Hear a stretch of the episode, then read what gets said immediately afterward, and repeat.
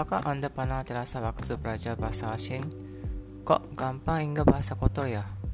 Teman-teman yang belum pernah belajar bahasa Jepang, bahkan mungkin orang Indonesia tahu kata umpatan dan kata kasar dalam bahasa Jepang, seperti baka, artinya bodoh, hentai, artinya gila, uzai, artinya menjengkelkan.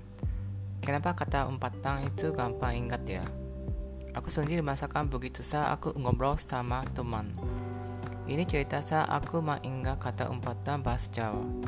Suatu hari temanku orang Jawa mengajari bahasa Jawa kepadaku.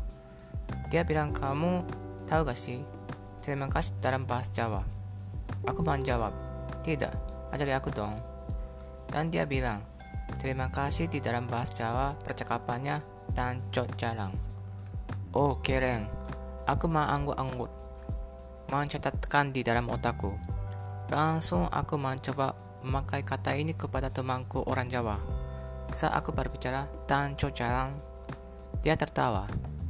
Dan dia mengajari aku kata tersebut digunakan sebagai umpatan pada saat emosi meledak. Oh, jadi aku dikerjakan ya. Tapi kata, uh, tapi kalau anda orang Indonesia pasti tahulah. Uh, Kata ini memang kata umpatan, tapi sering digunakan untuk bercanda bersama teman-teman. Mirip seperti kata baka. Baka itu memang artinya bodoh, tapi sering digunakan kata ini di dalam berkomunikasi bersama teman-teman.